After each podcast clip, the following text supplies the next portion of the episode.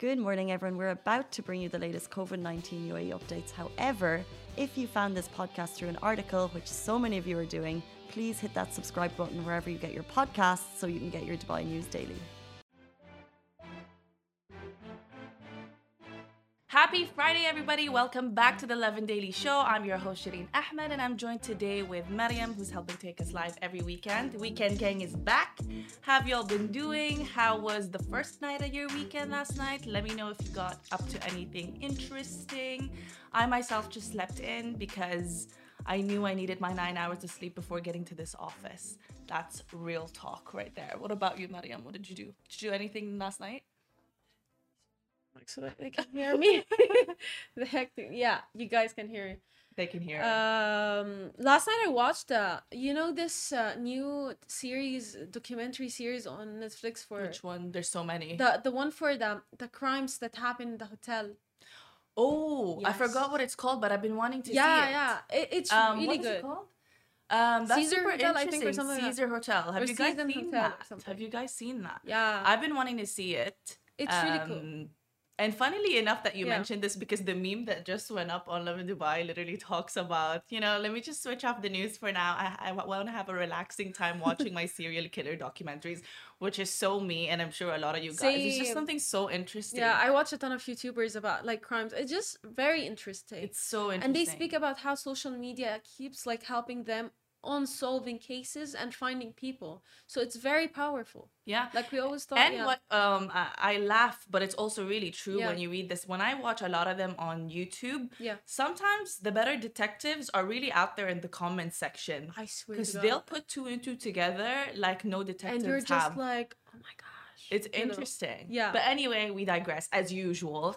Um so guys let us know what you guys have been up to this weekend but let's start off with one of our top headlining stories today. Okay a circular has been sent around by the dubai authorities that say feeding stray animals could actually result in a fine. As a cat lover as cat lovers and cat parents um and i'm sure a lot of you guys have your own fur babies. This sounds a bit you know a bit uh, peculiar because why wouldn't you? It's uh, difficult not to feed them when they're so adorable and they they sometimes come around you. However this is being done so that they don't actually that, that, so that it doesn't create a favorable environment to them um, so that they don't breed and they don't grow um, in population than they already are. We don't want more stray cats. So I guess the best option here would be to, I don't know, if you have your own carrier, like if you have your own uh, cat, like I myself used to do this when I lived in Bahrain.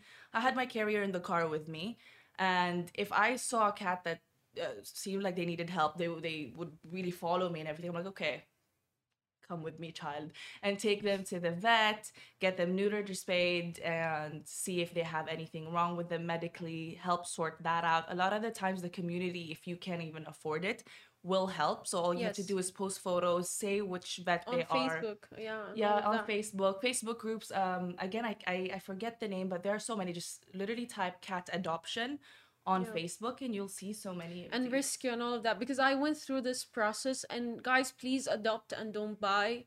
Don't buy. Don't buy. And there's no if you- point. There are so many adorable ones that are that need amazing. And like don't focus on the looks. Focus on the personality wise. Cats do have different personalities. They're not just cats you know? So other than that they're not just cats. they're not just cats you know? She means they don't just own you which they kind of still do but that's what makes them so they lovable. they do. They like it's um, like i had uh, like now like two cats of my own and both of them chose me. I didn't choose them you know? So that's so cute you know? Like i just go there and the cat comes to me and i'm like i'm gonna get this. Exactly. So, There yeah. and buying cats from an experience the people who want to sell cats or animals in general they don't care about their health and they can just breed them you know like a mother and the like that you know like and the son or something and that brings a lot and then sell ton of- those. That's so true. Yeah, that's so, so true. because yes if you Earth, yeah. support buying you're also still supporting um the breeding of certain types of, of cats right? very bad. Which ends up which leads to them sometimes not being uh, not having a home. Because why? A lot of people don't seem to really think of the process that involves adopting a cat.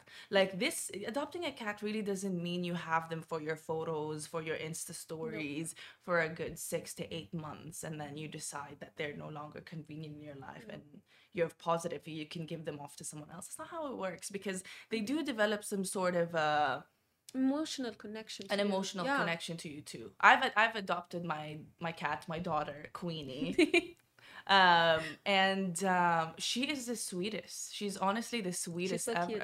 because um what i find is that adopted cats long so much for a home since if they're in adoption shelters what tends to happen is there's a lot of them so they don't get a lot of that attention so when i saw queenie the first thing she did was she wanted me to pet her and i was like that's it, that's it. And I still have her to this day. Unfortunately, I can't bring her to Dubai still, but it's one of my many goals. Not that anybody asked. Anyway, so the fine um, could set you back 500 dirhams if anyone is caught feeding a stray animal in Dubai. Oh, yes, I'm so sorry. I forgot to mention this also includes dogs. I just cat obsession, so I, I forgot to mention that it's for dogs as well. I mean, what do you think of this um this this new kind of circular, Mariam? I personally, in the beginning, I thought that why would we do that? And that's not nice. And we're protecting animals and all of that. صح. But then I read about it more, and this is what we all have to do when it comes to laws and everything on earth, honestly.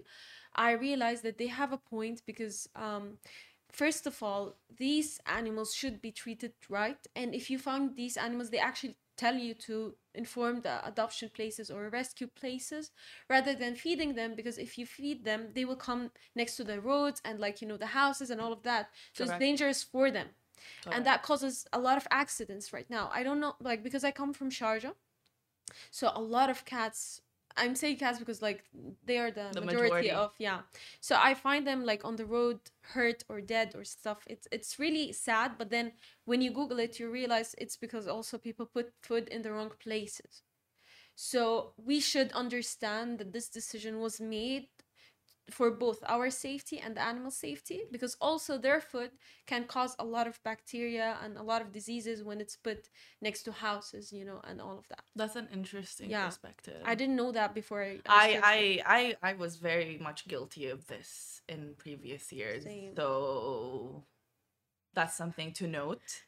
That is something to note, you guys. So, like I said, if you have a carrier and you you know what you are driving around and you notice that there's a particular amount of cats in your area, put them in your carrier, take them to a vet, and there are um there are places like we said that will help you uh, get them adopted and fostered, like Animals in Us.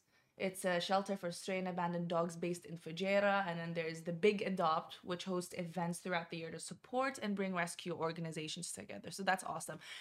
And I mean, thankfully, we have um, an amazing community here in Dubai and the whole UAE, which are actually commonly uh, common dog and cat and lovers animals rescue animal a- animal lovers who want to put in the work to actually help these strays. Yes. I also want to say hi to Mandela. Thanks for tuning in. Everybody else, someone was like, Hi, "Why are you guys working on a Friday?" Sad face. no we're glad we happy we see you guys don't worry we're happy, and Yeah. also, uh, mind you, we're not working the rest of the week. She's still Yeah. a student. Mariam's still a student. And I'm here on a freelance basis, so weekends only. So mm. actually, it doesn't feel like yeah when you all We've working here we're having a break I'm yeah. sorry if Yeah. you guys are working a Friday though for from the beginning of the but week. we're here for you don't worry. We're here for you. We yeah. got you. You're not alone. See. Yep. Okay, on to our next story. An Emirati woman who led the Hope Mission was featured on Times 100 most influential people. Next most influential people. This is incredible. Let's give it up to Sara Al Amiri. I don't know if I'm pronouncing that right. Amiri Sara Al Amiri. yeah Sarah Al-Abi, i think i'm guessing yeah So, so we know that the Hope probe Mars was actually sent and it actually arrived um, around Mars on February 9, 2021, after a few years of it in the making.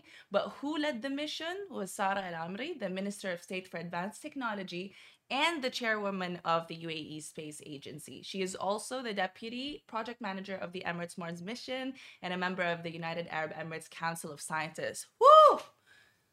So she was one of the most inspirational people that made all of this possible. And now she's been featured on this year's Time 100 Next Most Influential People.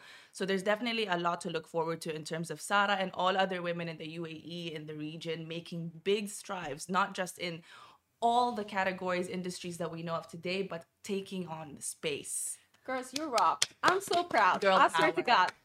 This gives me such, this gives younger me such, like, I wish younger me could have seen this. Yes. because I always kind of I always thought, oh, would it be possible to do something in space? You know, when you're Yeah. into you read all those those books that tell And you about she- space. that she's an Arab also. Like She's an Arab. yeah, woman. like that's so strong, you know? Like I, I'm just so proud and amazed like by UAE right Mariam's now. inspired. We love yeah. that. Because like yeah, because like we're going through a you know, like a very changes. interesting time in our century right now. So seeing women, Emirati women, like it's not just like, you know, this week or like you know no it's like every single week we meet a new emirati woman doing something amazing. Like i remember i wanted to skate okay?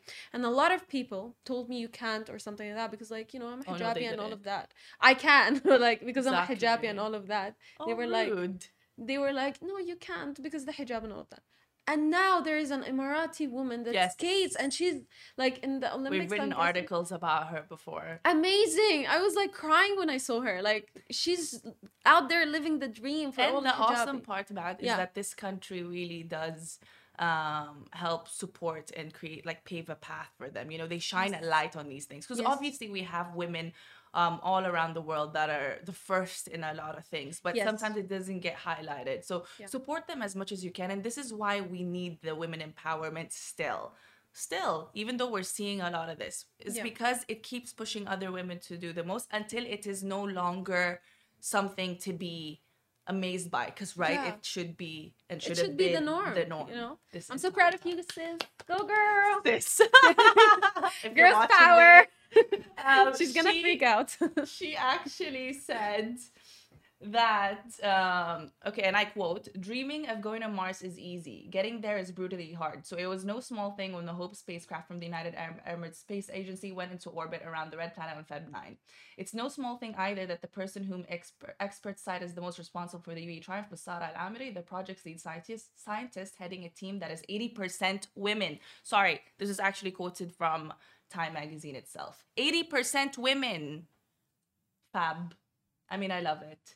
Um, and if you also were not aware, the Hope probe is actually there so that it could conclude a couple of things. There's a, a couple of objectives here. First one is to understand the climate dynamics and the global weather map through characterizing the lower atmosphere of Mars. So that's one.